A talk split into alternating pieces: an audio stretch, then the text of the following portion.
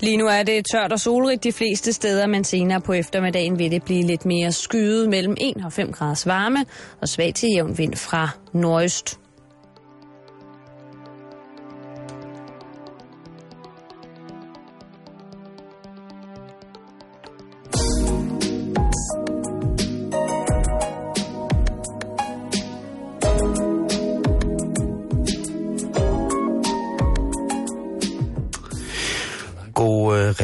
Rigtig hjertelig øh, eftermiddag er det jo, har vi fundet ud af, fordi det er efter mm. 12. Og velkommen til Halløj i betalingsringen. Du lytter til Radio 24 Det er blevet tirsdag.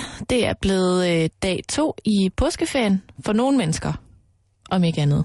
Kun for nogen. Kun for nogen. Og øh, i går, Simon, var vi lidt inde på øh, en snak om sådan, hvordan kan man få sig en rigtig, rigtig dejlig påskeferie. Ja, hvis man har det. Og hvis man har rigtig, rigtig mange penge. Ja, lige præcis. Og der var det jo, at vi øh, tilbød blandt andet en, øh, en rejse på det indiske ocean øhop med båden øh, Sultanen af havet til den nette sum af 70.000 kroner per dag per person, så frem du er 10. Er du færre end det, ja, så bliver prisen selvfølgelig lidt dyrere. Der var en cykelferie i Stockholm til omkring 40.000, som mm. vi også tilbød. Ja, og så fandt Stockholm ud- og København jo. og København. Og så fandt vi ud af, at det er rigtig svært i udlandet at købe pakkerejser til Danmark, medmindre du gerne vil til LaLandia. Ja. Men jeg synes, at øh, jeg synes godt, vi kan fortsætte lidt med at snakke om, hvad man kan lave sin ferie. Ja, det synes jeg er en god idé. Det er jo nogen, der har det. Der er nogen, der har ferie, og øh, det er både børn og voksne og ja, folk i alle aldre. Og øhm, jeg har taget fat i en, øh, en, en klassiker. Sådan en påskeklassiker, kan man sige. Ja. Det skal handle om at puste æg. Åh oh, ja. Har du prøvet det, Simon? Ja, det har jeg. Jeg har pustet, øh, jeg har pustet rigtig mange æg, og det har jeg af øh, en simpel årsag, at jeg ved ikke, om det var en påskeferie. Jeg tror, det har været en ferie, hvor vi besøger noget familie, hvor at der skal laves en kunstinstallation, og dertil skal bruges en masse tomme æggeskaller. Så der bliver pustet æg øh, hele tiden, og til børnene, altså os, store glæde, så bliver de udpustede æg brugt til at lave vafler om morgenen med. Så det var jo, det var jo en smart måde ligesom at få, mm. få øh, børnearbejdskraft Det kan man Øh. sige. indlemmet i det danske kunstmiljø. Men vil det så også sige, at du ikke har mm, mærket glæden ved først at puste, puste dit æg, og så få lov at male det? Nej, jeg har jo også øh, nærmest kloge som hænder, når det kommer til sådan mere finmotoriske, øh, kunstrelaterede hemstragims ting. Så jeg vil ikke kunne have malet et æg. Altså, jeg har malet æg. Øh, jeg vil ikke kunne have, have malet et æg, som var så porøst, altså uden masse i. Så hjemme ved os, når der skal øh, males påskeæg og trilles påskeæg, som er en øh, tradition øh, i øh, familien jul, jamen så bliver æggene kogt. Jo, men det er jo en helt anden tradition. Det er jeg udmærket klar over. Nu spurgte om jeg havde malet æg, og jeg blev nødt til at lave en uddybende forklaring på, hvorfor at jeg ikke har malet æg, der er pustet, mm-hmm. som traditionen nu ellers byder. Men, men vi kan godt tage den med. Men Altså, det, så- altså, det er ikke noget, du skal tage med. Og så jeg, jeg vil gerne inkludere dig Oh, du er så mangfoldig, Karen. i dag. Så, så i dag starter vi lige programmet med at snakke lidt om øh, at male æg, og puste æg og trille æg. Jo, men altså, pusteæg, det er jo scenen for Blinkende Lygter, hvor Sofie Kroppel, hun får en, en altså... Altså, hun bliver hamret lige midt i masken, Søren Pilmark. og kommentaren, det er en syg høn, der lagt det æg, opstår og for evighedsgøres ind i mit hoved. Det er det, at puste æg drejer sig om. Den scene havde jeg fuldstændig glemt. Det er en den af skøn. de største, største, største scener i dansk filmhistorie. Det er, da verdens mest irriterende kæreste bliver hamret lige midt i lampen af en rasende Søren Pilemark, som ikke simpelthen kan puste æg. Efter han har vist nok har knust ægget også. Det er forfærdeligt. Men som sagt, altså, det her det er jo ikke kun for børn. Nej, puste æg? Nej, Nej, og man kan også puste menneskeæg. hvordan Hvis man får et æg fra en kvinde, kan man også male det? hvis du er fingernem, hvis du har malet rollespilsfigur i mange år, kun maler med et halvt mår hår, så kan du sikkert også. Man kan puste stenbiderovn, man kan puste torskerovn, der er så mange æg, man kan puste kaviar. Ja. Og øh, i, øh, her nord for København, eller i øh, Rigskov i Aarhus, der puster de jo Fabergé-æg. Jamen altså, det er bare med at komme i gang. Men jeg har, øh, jeg har fundet nogle tips Yes, det kan... Ja, til dig, der simpelthen skal i gang med at puste æg. Og du, fandme, du er fandme så kreativ, Karen. Du er fandme så kreativ. Øh, og det handler jo selvfølgelig om, øh, hvad skal man sige, faren for at få salmonella, Gud, ja. når nu man tager det her æg i munden, eller fører munden hen til ægget. Man kan også bare suge det æg. det, det tror jeg, man skal passe på med. Men hvis det er kogt... Hvordan vil du suge kogt æg? Sådan her.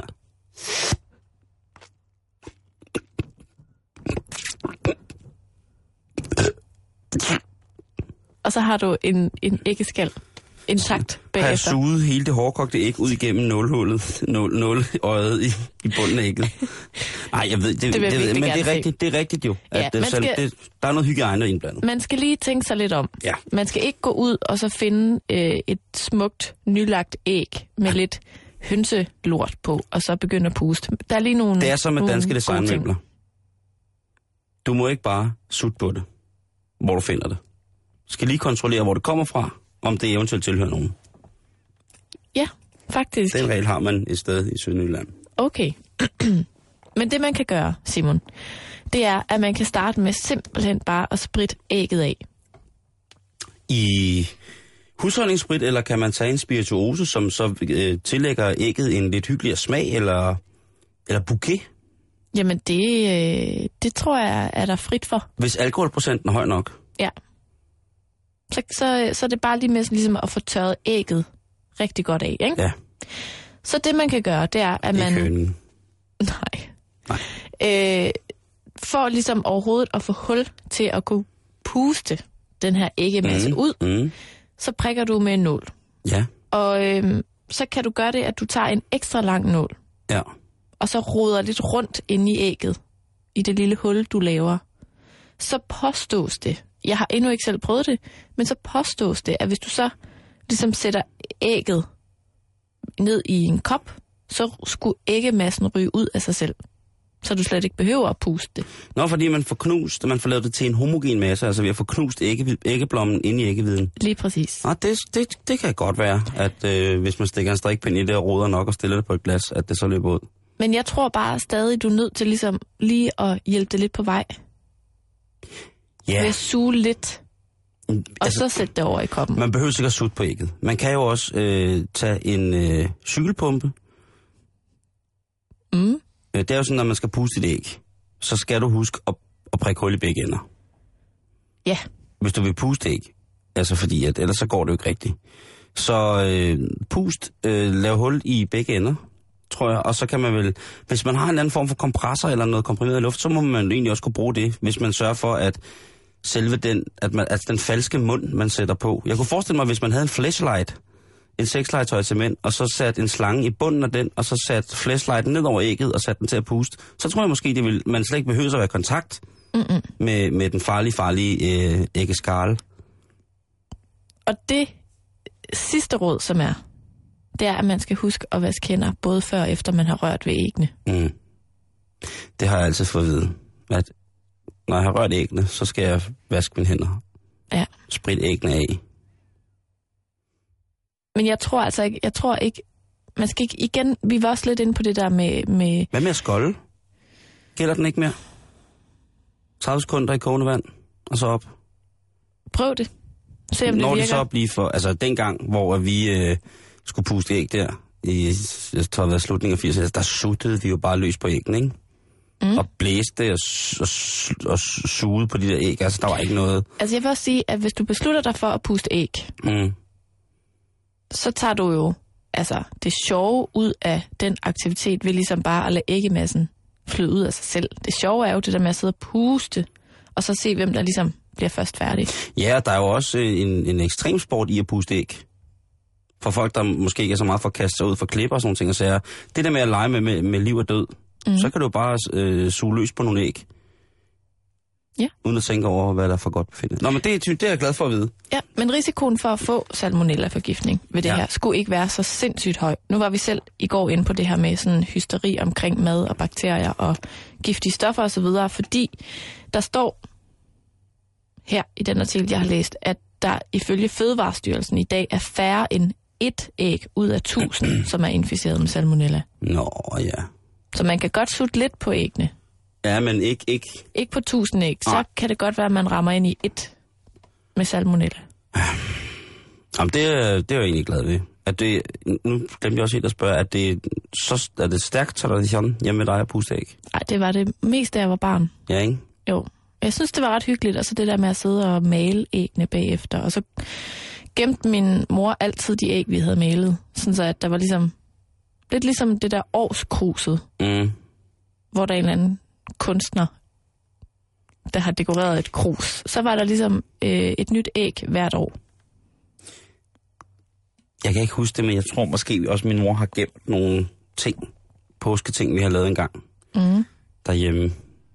Jeg er ikke sikker, men, men i, i tid og tid kommer der jo ting frem, som han har fabrikeret som mindreårig. Det er jo interessant, hvor, hvor meget affektionsværdi sådan nogle ting har. Altså hjemmefabrikerede, udulige, møggrimme ting, Mm. som man har lavet som barn. Hvor stor affektionsværdi det har for ens forældre. Når man egentlig helst gerne selv bare vil trampe det i stykker, og så give dem noget nyt og flot og dyrt. Ja. Kan jeg vide, om de egentlig gemmer det for vores skyld? Altså, det tænker jeg også nogle Det gange. tror Om jeg, det er sådan altså- en, har I snakket ud om det, for eksempel? Ja, har du ja. taget snakken med din mor? Eller det kan også være, at hun gemmer det, fordi hun tror, at du rigtig gerne vil have, at hun skal være nostalgisk omkring det. Der tror jeg ikke, min mor er i tvivl om, hvad jeg synes om de ting, jeg har lavet som mindreårig. Det tror jeg ikke. Jeg, øh, altså, de skal ikke gemmes for min skyld. De Okay. fylder bare. Nå. Øh, vi taler jo altså om, om, om en yderst kærlig mor, som gav sin 35-årige søn en plastikkurv, han selv havde tegnet på, da han var 10 år gammel og skrevet alt muligt kurv på i julegave. Så altså, det er ikke for min skyld, at hun gemmer de ting der. Nej, okay. Nej, Fair nok. det er det ikke. Nå, men Simon, for lige at runde øh, påske halløj af Ja. denne anden dag i påskeferien, så bare lige for at inddrage dig igen. Ja. Så hvis man ikke vil puste, så kan man jo også koge æggene og male dem og trille dem. Man kan også bare slå dem ud på en gryde. De rå æg. Tilsæt en lille klat smør. En smule øh, salt og peber. Sæt de rå æg med smøret over et lavt blus. Tag den dejskraber og stille og roligt røre i det, indtil at det koagulerer. Og man får den mest fantastiske, luftige røræg. Smid en spidsekyfuld creme i, eller en anden form for lidt federe mælkeprodukt, syrende mælkeprodukt i til allersidst, for at give den lige det der lille pift. Friskhakket purløg, bum, salt og peber, så kører vi på et stykke ristet rugbrød, og så glem det der nalleri med at sidde og male på ting. Lær ungerne at spise æg i stedet for. Rigtig glædelig påske. Ja, og så sk- skal vi ud og skyde et lam bagefter. ja, lige præcis. Mm.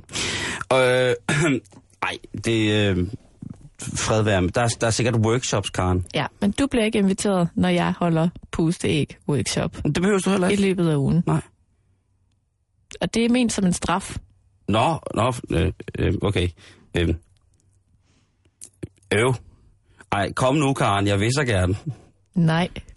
Please. Nej, men Vil du så have, at jeg skal sidde helt alene derhjemme og høre Gwar at lave røræg til dig selv. Alene. og male rollespilsfigurer? Men det gør du i forvejen. Ja, det er det. Det, det er alt for hyggelig en straf. Okay. Nå, Nå, ved, det fred være med det. Ja, vi behøver det ikke skal ikke runde af om det. påsken på den måde. At vi Nej. har, altså, som alle højtider, Karen, så har vi forskellige traditioner. Ja, og jeg har også slet ikke været ude i god nok tid til at forberede dig på påsken. Nej, det har du sat mig. Men jeg har været på ferie, Ja, det har jeg også. Og ved du hvad? Den tager vi til næste år. så går jeg i gang så snart Kan vi julen starte med er pinsen? slut. Er, er der noget pinse snart? Ja. Er det længere tid fremme? Og pinsen kan vi måske godt nå. Men det... Der er ligesom ikke de samme, hvad skal man sige, øh, symboler omkring pinsen. Nej, og der er også karneval, og det er jeg også bange for, så lad os bare komme videre Prøv i dagens program. Næste år til jul. Ja, ja, ja, ja, men der er jo... Når, når julen er slut, så starter vi med påsken. 1. januar 2014. Det tror jeg er en god idé, hvis jeg skal følge med i det. Glæd dig. Til hvad? Til påsken næste år. Nå ja, selvfølgelig.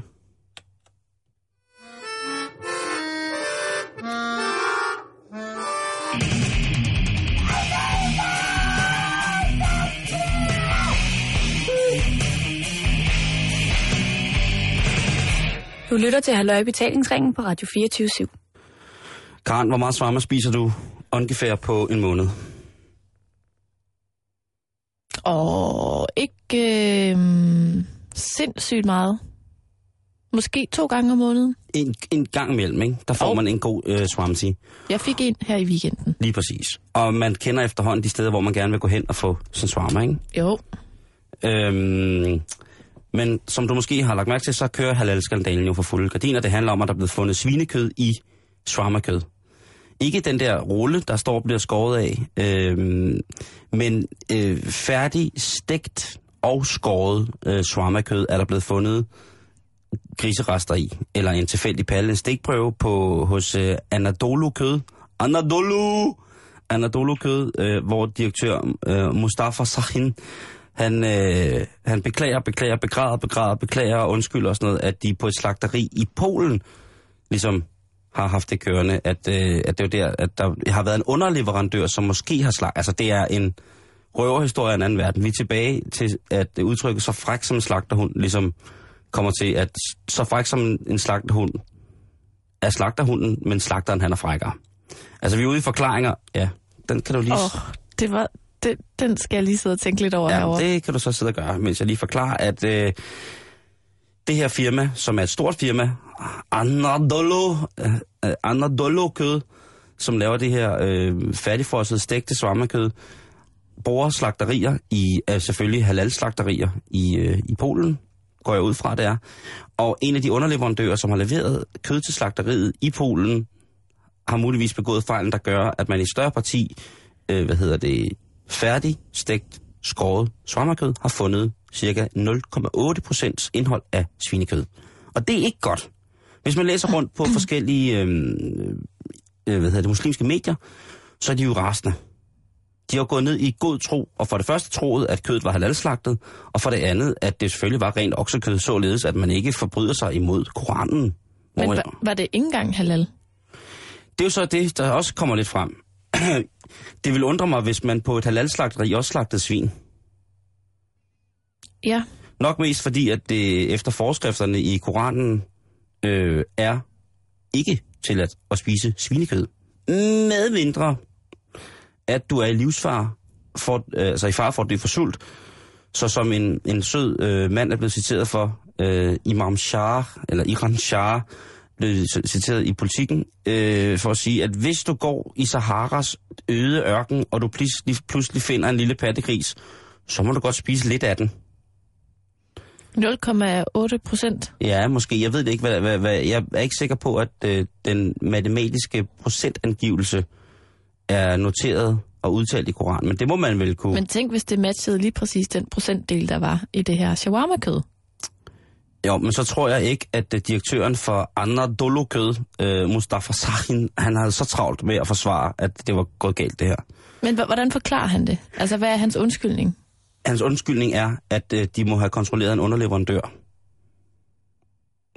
Undskyld, at de må have manglet og kontrolleret en underleverandør, hvorfra de får noget af det kød, som bliver brugt til at komme i de her shawarma-ting. Okay. Men jeg vil jo tro, at hvis man laver sådan en shawarma-ting, som skulle være halal, at alt ville skulle være efter forskriften slagtet, hvor at man skal halsen over, lade blodet løbe fra, og alles navn bliver sagt, mens at, øh, mens at dyret lige så stille udånder, fordi at vi ikke må spise, øh, spise det her blod. Øh, men altså, det er, det er ligesom det, han, det er den undskyldning, han kommer med. Mm. Så beklager han sig selvfølgelig, at øh, nu kommer det til at gå skidt for øh, Anadolu kød, og altså, det er en forretning, som omsætter mellem, for mellem 60 og 80 millioner kroner om året. Ikke? Så det er en anselig butik, men det vil være skrækkeligt for ham, øh, Mustafa Sahin, hvis man finder ud af, at meget af det kød, der er blevet brugt i deres produkter generelt, ikke er øh, efter forskriften halalslagtet ordentligt. Så tror jeg sgu, han får endnu mere røven på komedien, hvis der bare var svin, lidt svinekød i, i, i tingene. Ikke? Mm. Men jeg har, øh, men jeg har jo, for det første har jeg skrevet lidt med, med nogle af mine muslimske venner, som, hvor jeg spurgte, hvor galt er det her. Og jeg har muslimske venner, som er meget troende, og som efter forskrifterne ligesom kører den strict, old school, Mm. øhm, helt fra øh, arrangerede ægteskaber til jeg ved ikke hvad. Og så har jeg venner, som er troende muslimer, men som har valgt at indrette deres øh, tro og religion efter øh, Danmark. De er født i Danmark. Danmark er nu 2013, må det være, ikke? Mm. Øhm, Og, øh, og der er jo nogen, som går rigtig, rigtig meget op i, at man ikke må bruge skærebrædder til det samme. Øh, man ikke må have kød, og man ikke må have, altså, eller man ikke må tilberede en, et halalmåltid på samme skærebrædder, som man har tilberedt for eksempel svinekød på, eller man har stået og skåret svine. Altså, virkelig, virkelig Nå, ortodox, ikke? måde. Altså, okay. Jeg troede, du mente øhm, noget andet. og man ikke må bruge fade, som der har været svinekød i, og man må ikke må bruge... Ej, altså, der har, altså, der har været gnedet svin ind i hele mit hjem, ikke? Men de kan stå og diktere de der ting til mig, mens de stadig står og drikker en øl. Det synes jeg er ret morsomt nogle gange, ikke? At, jeg vil sige, prøv at høre, slap nu af. Men det der halalfis, du står og drikker bajer, den var ikke gået. Mm-mm. Hvis vi havde kigget i den store bog, som du tror på, så tror jeg ikke, det havde gået, at du har stået der og drukket øl. Men skal hvad- jeg være helt ærlig. Men hvad har de sagt til dig om den her skandale? Øhm, dem, som er meget troende, de er jo meget, meget gale. De kender jo godt det her produkt. Og, de, øh, og det, er- det, det, der tager man, øh, som man måske svagt kunne, kunne fornemme nogle steder, så er den udtalte vrede i henhold til, at man har fået sin ære krænket mere voldsom. Øh, nogle gange. Og mere udtalt. Øh, sådan er det i hvert fald for, for mine venner, at man kan hurtigt fejre flint, men man kan også hurtigt falde ned igen. Det er virkelig meget rart, at den har det er et ventilsystem på den måde. Øhm, og det skal ikke være forudindtaget eller noget som helst, men det er bare, at de føler, fordi religion betyder så meget for dem, Mm. så føler de sig krænket eller ført bag lyset. Det kan jeg godt forstå. Ja, og det synes de er mega nederen.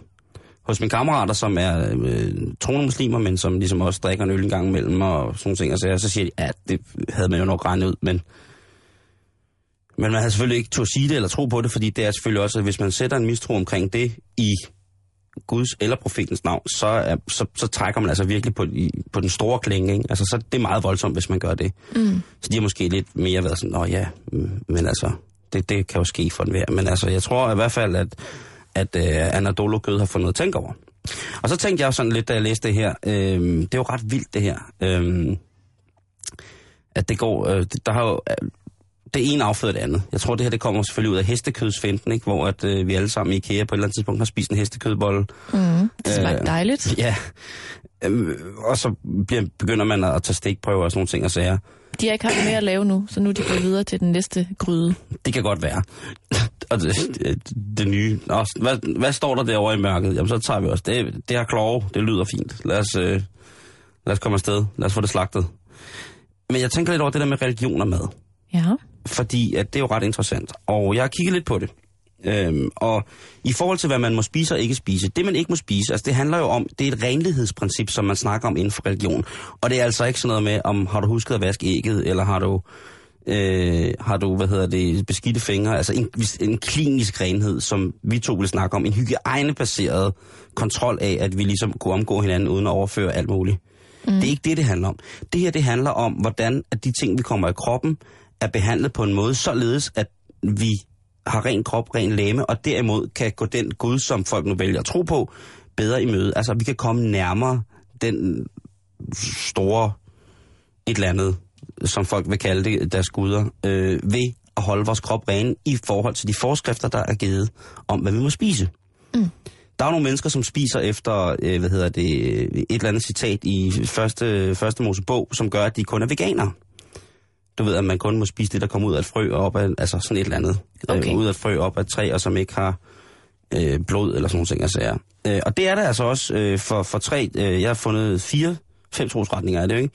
Jeg har kigget på jødedommen, jeg har kigget på kristendom, jeg har kigget på islam, jeg har kigget på buddhisme og hinduisme. Og hvis vi starter med jødedommen, så er det altså den, som jeg synes er lidt mest, som, som er den mest bøvlede i virkeligheden. Okay. Øh, jødedommen, de har jo nogenlunde de samme principper omkring øh, det der med slagtning som halal. De har det, der hedder en shæktning. Shæktning, jeg ved ikke, lige oh, det lød svensk. Shæktning. Det er, jamen det skulle Kom have her, været... lille i- sjækning. Ja. Øhm, og det er øh, en, øh, en metode, hvorved man skærer pulsåren over, eller en hals, øh, halspulsår over, og derved tømmer dyret for så meget blod som overhovedet muligt. Vi skal altså have drænet hele dyret for blod.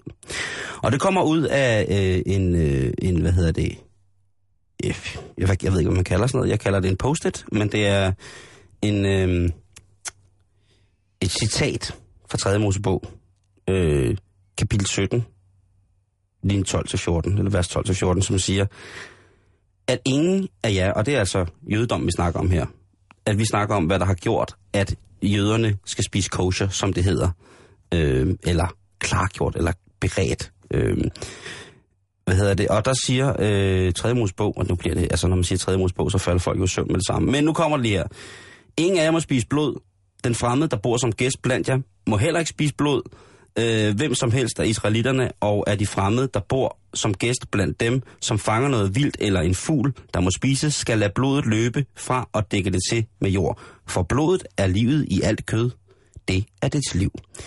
Så er vi ude i, man må ikke spise de, de kære kreds liv.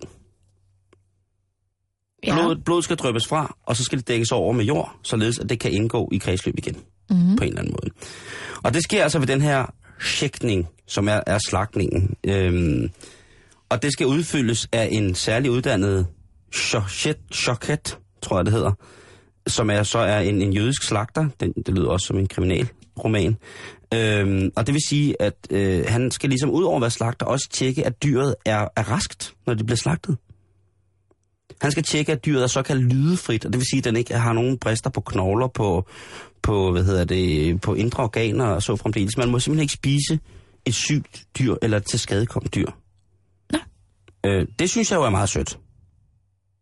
Altså, Jo, i forhold til, hvad vi hælder i os af, af, af kyllinger, som jo nærmest er blevet eller grise for den sags skyld. i det hele taget kød, kød altså produkter, ikke? Ja. Ja. Animalske produkter, hvor det, ting øh, sikkert ikke har haft for godt nogle Ja, gange. det vil vi skide på.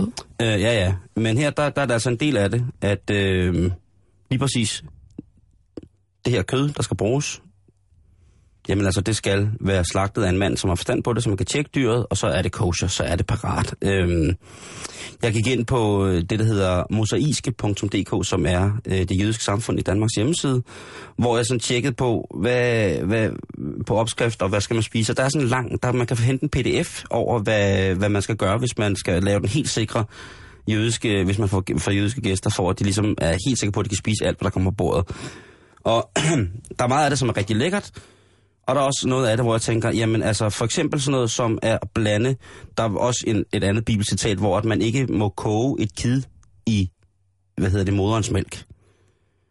Og det ja. vil sige, at kød og mælkeprodukter på det jødiske bord ikke har nogen ret. Ja, Kan du, kan du se, hvor jeg vil hen? jeg kan se det. Kød og sovs, den går ikke. Nej. Jo, du kan få en, en sky, men altså sådan en tyk flødesovs til en bøf. Ja, du kan jo faktisk ikke engang lave en lille smørsovs. Nej, for, jo, det kan du godt. Men du skal lave den på et andet komfur, og du må ikke servere den sammen med noget kød. Ja, okay, men det er jo, Så det er jo komme- lidt det, jeg mente. Så kan du spise sovs og kartofler. Ja, Men generelt skal mælke, altså mælkeprodukter og kød skal ikke stå på det samme bord, når vi snakker kosher. Øhm, øh, der er retningslinjer, eller det som hedder chasrut, chasrut, øhm, som er de retningslinjer, som der er givet for jødedommen i forhold til, hvad de må spise med hvad. Og alt det der, hvis du lige pludselig finder ud af, at nu skal du satan med spise jødisk, så kan du hoppe ind på mosaiske.dk, m o s a i s k e.dk, og så kan du øh, i hvert fald få øh, jødisk mave, fordi at, øh, der står der lige præcis, hvad man vil. ja. Øh, hummus er altid et hit. Skaldyr virker aldrig. Hvorfor? Skaldyr må du slet ikke spise, når du er jøde. Nå. Du må heller ikke spise dyr, der spiser dyr. Nå, Det synes jeg ligesom alle dyr gør. og ikke alle. Nej, men der, der er fra, fra højere magters side øh, blevet lavet en doktrin, der hedder, at øh, med kloge eller kløvet eller løftet øh, kløvet hove, jamen så spiser vi dem ikke. Ja, Ja. okay. Jamen fred være med det. Hvad hedder det? Så, øh, hvad hedder det? Jeg vil bare sige, hold kæft, jeg er glad for, øh, rent madmæssigt, at jeg ikke er jøde. Det er forfærdeligt. Altså, du må ikke spise blod. Det vil sige, en, en, en rød, du kan ikke stege en rød bøf. Jeg er godt klar over, at der er masser af udskæringer af kød, som bliver meget, meget lækre ved lang tilberedning, således at man ikke har. Men bare det der med ikke at have muligheden for at kunne få en rød bøf med en fløde pebersovs. Hvad fanden skal jeg gøre? Jeg vil visne Ja. at dø. Øhm, og så kommer vi til islam. Mm. Det minder jo rigtig meget om, øh, om jødernes øh, halalslagtningen, altså om jødernes slægtning. Ja, Øhm, det er ikke helt så kompliceret i virkeligheden. Man skal, ved halal, der skal man skære der skal man skære, hvad hedder det, halsen over, imens at øh, Allahs navn bliver nævnt. Og så skal blodet drøbes, løbe fra dyret naturligt. Øhm, og så er dyret faktisk slagtet efter forskrifterne. Og så skal det selvfølgelig, øh, hvad hedder det, renses og sådan nogle ting og sager. Men for at overleve, så må det som sagt gerne spise noget, som ikke er, hvad hedder det, altså som er haram, som er øh, ikke godt for dig. Øh, det, det kan du gøre for at overleve i visse tilfælde. Så der er der sådan en lille buffer der. Ikke? Mm. Der er en lille buffer der. Øh, så kommer vi til kristendommen. Og den er jo lidt sjov, fordi at øh, Jesus han øh, var vel i bund og grund jøde på nogle punkter. Det var han da. Øh, og hans crew var jo også jøder. Mm. Øh, så når Jesus har, øh, har skulle spise, så har det vel været chasarut, altså så har det været efter de jødiske forskrifter, hvordan han skulle spise. Men, Karen, så sker der noget. Øhm, og det er, at Jesus han jo går og funderer over nogle ting. Han, han var jo en, en driftig herre, kan man sige, i, i sin unge år. Han var selvfølgelig også skabet af ungdom og sådan noget. Men øh, hvis man skal tro på, på eventyret, Bibelen der, så øh, siger han på et tidspunkt noget i retning af, at et menneske bliver ikke urent af det, der kommer ind i mennesket. Men et menneske bliver urent af det, der kommer ud af mennesket fra hjertet. Det, det, det er sådan meget, altså nu kan du så godt yeah. høre engleharper og drøsblomster og sådan noget, ikke? Mm. Øhm, men han, det han i virkeligheden siger, det er, at jamen, det kan aldrig være noget, mennesket kommer ind i munden, som ligesom gør, at, at det bliver urent. Det kan jeg så sige til ham, det har han fuldstændig ikke ret i. Altså, Der så, levede han i en anden tid. ja, det kan Det være. var før akrylamid. Ja, lige præcis. Eller det var det jo så ikke, men der vidste man ikke, hvad det var. Nej, lige præcis. Og, øhm, og det bliver hans øh, crew selvfølgelig, altså hans disciple der, det bliver selvfølgelig sådan lidt, øh, fordi de jo jøde, tænker, ah, hvis, hvis vi spiser uden for hvad, hvad sker der så, hvis det ikke er ordentligt kosher? Hvad, hvad, altså, vi kan da ikke bare begynde at, at, at høve lige os, hvad vi har lyst til. Og øhm, faktisk er det så grælt, så en af hans disciple, Peter, på et tidspunkt øh, skal... Øh, altså han har fået det her at vide, og han tænker, jamen det er da også mærkeligt. Og han er på vej til øh, Antiochia, øh, som i det antikke, øh, hvad hedder det, som i dag er, det må være en del af Tyrkiet. Altså det er det. Han, det jeg tror faktisk, det hedder Antakya i dag. Øhm, og der er han på vej hen til, og på et tidspunkt så bare Gud sig for ham, øh, som øh, den øh, svedige fætter jo har det for, øh, sådan for vane. Og han siger, prøv at høre, nu skal du gå over til de her hedningens hus. Nu skal du gå op og bede, og øh, så skal vi lige snakke sammen. Ikke? Det er lidt ligesom at sende sådan en sms, der hedder, prøv kan vi godt lige slå os sammen, ikke? Mm. Så han triller op på taget hos hedningerne, øh, fordi de selvfølgelig er pisse søde, og så øh, går han i gang med at bede, og ud af himlen, ja, som var det ved Dannebro, så falder der en du fyldt med mad. Det er jo, altså, Var den rød og hvid? en rød og hvidtagende du med en lille flaske snaps. Nej, der vælter et eller andet, øh, der, der vælter noget, det kan han jo det der, ikke? Altså, hvis man, skulle, hvis man, hvis man er troende på den ret, hvis man er meget religiøs, så tror man jo på, at der er et eller andet, der kan noget, ikke? Mm. Og, øh, og der vælter den her ud af himlen, og bum, så er der masser af mad på. Men der er også masser af mad, som han normalt ikke vil spise. Mm. Og, øh, og der, der siger han så, øh, Peter, prøv, prøv at høre, det kan jeg ikke gøre det her. Det kan jeg ikke spise det her. Så siger Gud, åh, du kan. Så siger Peter, nej, det kan du ikke. Så siger Gud, åh, det kan du godt. Det kan du faktisk godt. Og så siger Peter, nej, jeg kan, ikke, jeg kan ikke spise det der. Det er jo, det er jo helt forkert. Det er jo en, det er jo en syg høn, der har lagt det æg der. Ikke? Det, mm. det kan man, han kan ikke spise det mad, der ikke på den du der. Øhm, og der er jo alle slags mad. Alle slags dyr er der. Der er på et tidspunkt, øh, hvor, jeg, hvor jeg læser om det her, hvor der på et tidspunkt står, at der er bjerggrævling. Jeg ved ikke, hvad det er, men det kan godt være, det var en specialitet. Mm. Den har jo poter, ikke klove. Men i hvert fald, øhm, alt må du spise lige pludselig. Og der siger, øh, altså Peter, han bliver ved, nej, det, jeg skal simpelthen ikke have det der. Godt være, at de siger, men jeg skal ikke have det der. Og at den diskussion har han altså med Gud. Og jeg har på fornemmelsen, at i Bibelen, der betyder Gud ret meget. Mm. Og der har, den diskussion har de altså, hvor at han bliver nødt til tre gange Gud og sige til Peter, prøv nu, og til sidst bliver det sådan noget uvorten møgung. ikke? Peter, nu spiser du det der. Du, Du skal lige smage det. Ja, du skal smage, før du ikke... ikke? Og tænk på at have været barn der i, i den, dengang i, i, i det smukke, smukke, smukke, smukke Mellemøsten. Der, Jeg kan ikke lide oliven, jeg kan ikke lide det. Og nu spiser du bare det der, ikke? Mm. Falder du ud af himlen, så æder du. Slutbrudt finale. Og det øh, er sådan set øh, med til at, øh, at gøre, at, at på den måde, så har kristendommen jo lige præcis en masse ting med sig. De kan spise alt. De kan sætte sig ned og snakke med folk. Folk, der siger, at de har det sådan og sådan med mad, siger, jamen, så må I gerne have det med mad. I kan stadig have det sådan med mad. Og så tro på vores Gud. Det er jo ret smart. Det forstår jeg ikke. Prøv at forklare det igen. Jo, men hvis man må spise alt Mm. som kristen, Ja. så er der jo ingen grænser. Så kan du også spise halal, så kan du spise kosher, så kan du, så kan du spise med alle. Du kan snakke med alle. Mm. Du kan sætte dig ned ved et måltid, deltage med et måltid på lige fod med alle. Du har ingen begrænsninger. Ja. Så grunden til den, altså en af de væsentligste årsager til vores blotte eksistens, er, at vi kommer mad på vores motor. Den barriere er ligesom nedbrudt. Fordi at Gud, han har snakket med Peter, eller han diskuteret med, han har kastet med due med Ja. mad på hedningernes tag. Hov, mm. så han, han har kastet med, med due på hedningernes tag, og der, derfor så må de spise alt. Det er jo ret, det er jo, det, det er jo i virkeligheden er det en pisse smart måde at lave forretning på. Ja, det kan man godt sige. Vil du have flere, der skal bruge vores produkt? Jamen, vi, har, vi kan komme ind alle steder.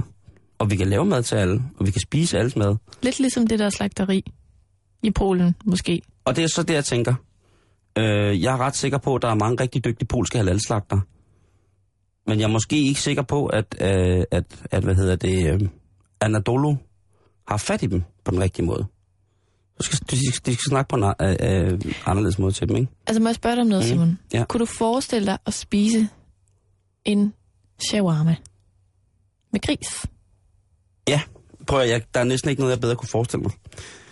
Altså, Øhm, jeg, jeg, jeg er glad synes for, ikke, det er helt dumt. Nej, men jeg foreslår, altså jeg, hvis jeg ser øh, en halalslagtet, altså bare sådan en shawarma, ikke? Med alt det klassiske, alle the, øh, all the trimmings på klassisk shawarma, og så lige med sprød bacon. Ikke? Sådan en øh, kylling shawarma, øh, sådan Altså- en, en kylling dytum med øh, salat, rødløg, vendt i persille, en øh, hummus, god hummus, masser af hvidløg, øh, det der lækre kylling, der er hængt og blevet på, på spydet der, og så lige en sprød skive bacon ind i. Oh. En halal klop, nej halal må man så ikke kalde det vel, men shawarma klop, eller svine shawarma-kød. Øhm, af urensagelige årsager, så har jeg jo fået bygget mig en shawarma grill selv. Og, øh, den, En hel grill. Ja, og den testede vi sidste år med svinekød på. Og jeg skulle da lige hilse at sige, at sådan en masse tynd skåret skiver ukurant svinekød, som er blevet marineret natten over i svarmerkrydderi, sat på en grill, grillet meget, meget langsomt på en svarmergrill, der kører på rigtig kul, det er edderrødme. Altså, det er sindssygt lækkert. Og så tænker jeg på, når du nu spørger om det der, Mm. tænk hvis man lavede et shawarma-svineri, altså hvor man lavede serveret dytum med svinekød i. Det smager, det smager jo sindssygt Altså, altså, det- godt. Den, det, altså, jeg har, ikke, jeg har ikke styrt på det endnu. Nej. Så den er jo ligesom, muligheden er der jo. Vi giver den væk herfra. Det er en gave. Hvis du øh, laver svinesvarme, så skriv ind til os på facebook.com-betalingsringen. Men Karen, nu ved du altså hvorfor, at... Øh, nå ja, jeg glemte sgu da lige buddhisme og hinduisme. Dem tager vi bare med. De spiser gerne vegetarmad. Ja. Fordi man ikke må slå dyrene ihjel. Mm. Men så er der også forskellige moderate afstemninger af lige præcis de to retninger, som tillader folk at spise kød. Ja. Og det kan jeg jo godt lide. I virkeligheden så er jeg nok mest til buddhismen omkring øh, det her mad noget med, at man skal... At man kan tilpasse sig, ikke? ja, eller kristendommen, hvor man må spise alt, Ja, lige præcis. kan man sige. Det kan man også. Simon, vi skal lige omkring noget nu, Ja. som i den grad bliver diskuteret lige nu, fordi lærernes lockout er nu en kendskærning. Ja, uha. Altså, det er ikke lykkedes staten og kommunernes landsforening og for, hvad skal man sige, lærernes centralorganisation til ligesom at opgive deres krav. Ej, det var en meget, meget fortørnet Anders Bondo, man kunne se i går tv-nyhederne, ikke? Som sagde, at det var sjældent, han havde været med til en forhandling, hvor resultatet var skrevet på forhånd. Ja, Ja. ja. men det, det er lidt svært at finde rundt i, men det, der ligesom, synes jeg, fylder rigtig, rigtig meget, det er, hvad skal der ske med børnene? Ikke, ikke så meget dem, der er i skolen, men mere alle de børn, der, øh, der ligesom ikke kan blive passet. Altså både, altså det er jo ligesom en, et lockout, der ikke bare går ud over alle eleverne, men også øh, forældrene til de her børn. Ikke? Altså, havde, Hvad skal vi stille op med vores børn? altså, havde vi levet i en, en anden tidsalder, en apokalyptisk øh, tidsalder med, med offringer til, til guder, så havde vi jo kunnet ofre børn. Altså, så havde vi virkelig kunne få noget øh, i voksenlivet. Så kunne Mhm. man bare have offret børn helt vildt. Lige præcis. Men, Den går ikke rigtigt nej, i dag. fy her, Simon. Men jeg har kigget lidt på, altså hvad er der ellers af konsekvenser med det her? Øh, Udover selvfølgelig eleverne, der ikke kan komme i skole og så videre, og der er en masse, forudser man sådan lidt mm, falske sygemeldinger måske på vej, sådan så at man kan blive hjemme og tage sig af sit barn og så videre. Altså der er mange mange, hvad skal man sige, teorier i spil lige nu. Men, Simon, det er altså ikke kun mennesker, det her det kommer til at gå ud over. Oh, Ja. Lige om lidt, så fortæller jeg dig, hvad der kommer til at ske med 600.000 fisk på Fyn, som følge af den her lockout. 600.000 fisk. Ja, Ikke bare 600 nej, eller 60. 600.000. Men den vender jeg lige tilbage til, All right. fordi sprogcentrene herhjemme bliver også ramt af den her lockout. Og det bekymrer altså nogen, fordi at det kan betyde, at der er nogle Ja. udlændinge her i landet, som skal til dansk prøve, Som jo ligger lige efter påske faktisk. Efter ferien. lige præcis, som øh, ikke kan modtage undervisning, og som måske derfor risikerer ikke at bestå den her dansk prøve for enten at få opholdstilladelse eller statsborgerskab osv. osv. Danskprøven, som jo ingen danskere ville kunne tage og bestå og blive boende. Jeg ved ikke, om det er den med spørgsmålene, eller om det er den, hvor du skal vise, at du kan skrive, tale, Nå, lidt altså og så dansk, videre. danskprøven. Ja. Okay. Det, det er ligesom en konsekvens, der ligesom kommer oveni, at det er synd for alle de her børn og deres forældre. Derudover så går det også ud over produktionsskolerne.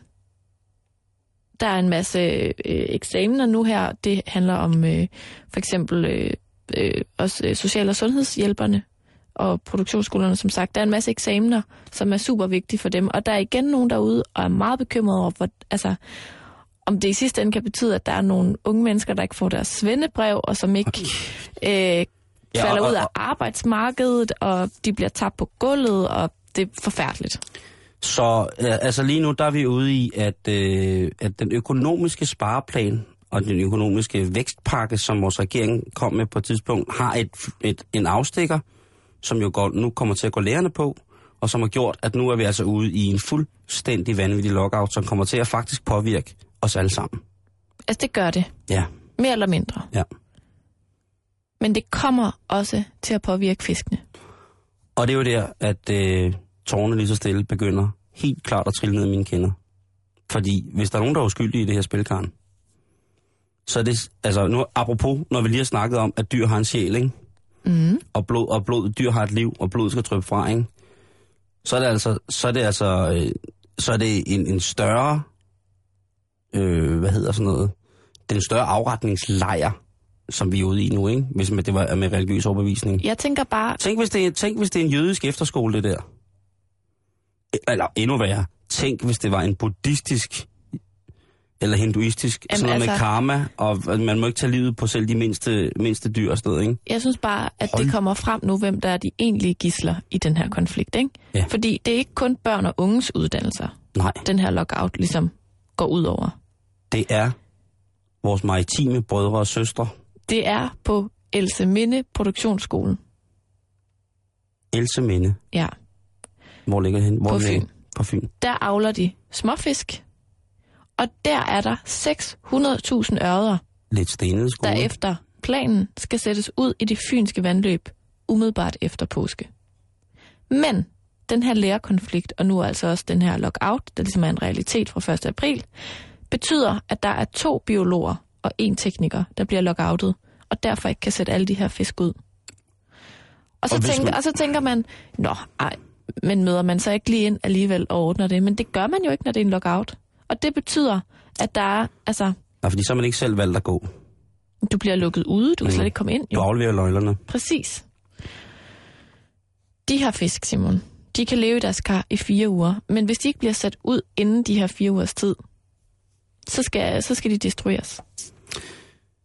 Det kunne også være jo, ja, og vi skal jo ikke opfordre til noget. Men jeg kan da huske, at der på et tidspunkt var en politimand, hvis hjerte løb af med ham i forhold til en hund. Tor, Det kom ud over dine kvindelæber, ikke over mine mandlæber. befri ørerne på Fyn. nu. Det er i hvert fald mange ørder, ikke? Men prøv at, det, jeg ved godt, det er, også, det, er jo, det er også lidt synd for den her skole, fordi de går faktisk glip af, hvad står der?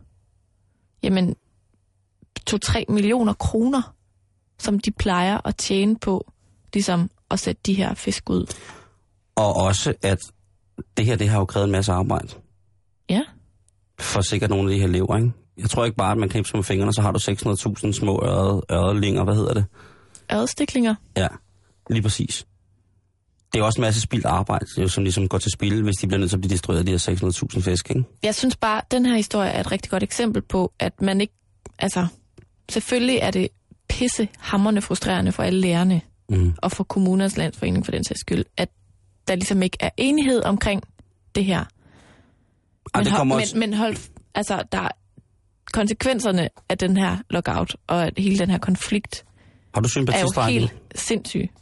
Om jeg er sympatistrækket? Mm. Lockoutet? Øh, nej. Nej. Nej, men prøv at, jeg, jeg synes, det er meget svært at blande mig i det sådan, på et sådan detaljeret plan. Jeg er ikke folkeskolelærer, Ja, så jeg skal ikke kunne sige, hvad, det, hvad der er godt og skidt. Jeg synes bare, at det er vigtigt at tage med, at hold kæft, hvor bliver der bare spildt mange gode ressourcer. Penge, unge mennesker, alt muligt. Fisk, børn, gamle, ny, nye danske statsborgere. Altså, ja. Det er bare, det er ret alvorligt, synes jeg. Jamen, du har ret. Du har ret. Jeg synes, at det... Og, og, øh, jeg må blankt indrømme, Karen, at jeg det sidste tid kun har overfladisk fulgt med i den her lockout-strække. Mm. Eller lockout-konflikt, eller i hele taget konflikten mellem øh, lærerforeningen og, og, hvad hedder det, kommunernes landsforening. Øhm, men nu kan jeg jo godt se, det påvirker jo også alle os. Her der er øh, altså at vores kollegaer, øh, mm. som har børn, ikke? Og det der med, at man, hvad, hvad nu? Hvad skal man gøre? Øh, Karen, det eneste, jeg kan sige, det er, at vi må gøre vores til her i Halløj Betalingsringen til, at vi kan lempe et eller andet sted. Jeg ved ikke, hvad det er endnu, Ja. men lad os lægge hovederne i blød og sige, at vi øh, sidder ikke bare som passive, fordi vi ikke har børn, der skal passes eller skal i skole og se til. Vi vil prøve at hjælpe på en eller anden måde. Det kan vi lige tænke over i løbet af Det, ugen. det, det kan vi tænke over, tænke over i løbet af ugen. Mm. Øhm, Henrik, godt dame Christensen. Oh ja. Yeah. I øh, den her uge, så har der været meget, meget, meget stor, stor, stor, stor polemik omkring, at det er farligt at tage toget. Det økologiske råd har lavet en måling af dieselpartikler, dieselpartikelkoncentrationen i forskellige tog. Eller faktisk i en slags togtyper med et slags lokomotiv. Mm. ME-lokomotivet hedder det. Og det har altså gjort, at ifølge dem, så, skulle man, altså, så er det dybt sundhedsfarligt at tage toget Ja. diesellugten ved toget. Noget, som jeg egentlig godt kan lide, er jo, fordi der er nogle partikler i luften, der lugter af diesel. Mm. Så fremdeles. Det, som der har været meget, meget, meget bekymret for mig, Karin Strup, det er, at i langt de fleste og største aviser og på de digitale medier, har været afbildet forkerte tog. Bah. Det siger der, Karen. Jeg siger, at øh, i... Ja, og nu bliver jeg lige nødt til at rejse mig op, altså. fordi... Ja, og der bliver jeg nemlig bange. Fordi øh, jeg ved for eksempel, at øh, der er mange, der skal rejse med tog her i påsken. Ja. Øh, jeg tør ikke gætte på, hvor mange, men der er sikkert rigtig mange. Og de bliver pisse bange, hvis de ser, ser det her billede. Altså står sådan noget med, du dør af at tage toget, du får astma i øjnene, hvis du tager det her tog og sådan noget. Og der er altså tale om, at der bliver afbildet de her typer, som ligner i sit toget mm. De her lange pølser, de her lange sæt af vogne, som ligesom er helt flade foran og helt flade bagved. Ja. Og så står der, at det er ME-typen, der ligesom er blevet testet af økologisk råd. Godt nok én stikprøve kun, hvor det var alt, alt for meget. Og så en stikprøve, som blev taget mellem Høje Tostrup og Valby, tror jeg. Altså et sted, hvor der er sindssygt meget trafik i forvejen. Det skal I ikke være bange for. De der tog, som har flade næser, det er en fuldstændig anden type. Jeg så et billede af, hvad hedder det, en, øh, et tog, øh, hvad, togsæt øh, 4520, og det er altså ikke et ME-lokomotiv, der driver det. Det er et såkaldt Litra ET, og det er et elektrisk drevet lokomotiv, det som kører fra for eksempel København til Sverige. Vores Øresundstog, eller op og ned langs, øh, hvad hedder det, nordkysten her. Det er, øh, IC3-toget gælder heller ikke. ME-typen er det tog, som det helt gamle lokomotiv, som er rødt og sort. Kan du følge mig nu? Altså sådan regionaltog. Ja, det røde og dem, der, det der er forrest og bagerst. En, mm. Du ved, med øh, sort mellemstykke og så rød for eller bagende, ikke? Jo, jo. Eller øh, det er mørkeblåt med det gule, øh, moderne DSB-logo henover, sådan som går sådan lidt svunget til at trække godstog. Her taler vi også diesel. Okay. Og øh, de her tog, de her ME'er, som der er blevet målt på, jamen det er lokomotiver, som blev installeret øh, fra sidst i 70'erne, og så er de blevet ligesom raffineret, eller ligesom blevet, blevet blevet up to date, sådan, så de kunne følge med og følge med og følge med. Følge med. Hvor med alting er, at de er stadig på diesel, men det er diesel, som også driver nogle elektriske generatorer, sådan så, jamen altså, det, det er lidt af det hele. De kører så fremdeles stadig. Men billederne, som der er blevet lagt ud på de forskellige hjemmesider og trykt i de forskellige medier, det er ikke de typer, som der er farlige. Det er altså de såkaldte litra-typer, altså elektrisk drevet tog, øhm, som, som man trygt kan, kan tage rundt i. Og hvis der lugter af diesel i dit eltog, jamen, så har du stadigvæk et problem, ikke? Så vil man... Jo, Øh, det er lidt mærkeligt. Ja, lige præcis. Og det, øh, det synes jeg er, er beklageligt, og det er også og det er en, det er en negligering af, af Litra ET-typen, fordi Litra ET-typen togsætsvogne, de er meget, meget fine og meget moderne, og jeg synes ikke, at de skal stå til fald over for, at der er, lempeligt er en faglig, faglig ukompetence, der gør, at de henviser til visuelt materiale, som er af falsk togtype, Karen. Jeg kan blive så rasende. Jamen, jeg skulle lige til at sige det. Ja, jeg Fordi tosset. sådan en, altså, nu er der jo... Nu skal det ikke lyde, som om jeg ved meget om tog. Jeg skulle lige til at sige, der er jo ikke nogen i det her land, der kan være i tvivl om, at du ved meget om tog. Jeg er meget glad for tog. Du kører meget i tog. Jeg kører meget ved siden af dem og filmer. Jeg står og kigger. Men sådan en, sådan en som mig, Ja. der ikke har samme, hvad skal man sige, naturlige interesse for tog. Det er helt unaturligt, det her, Karen, for mig. Jeg ved bare ikke særlig meget om Nej. tog.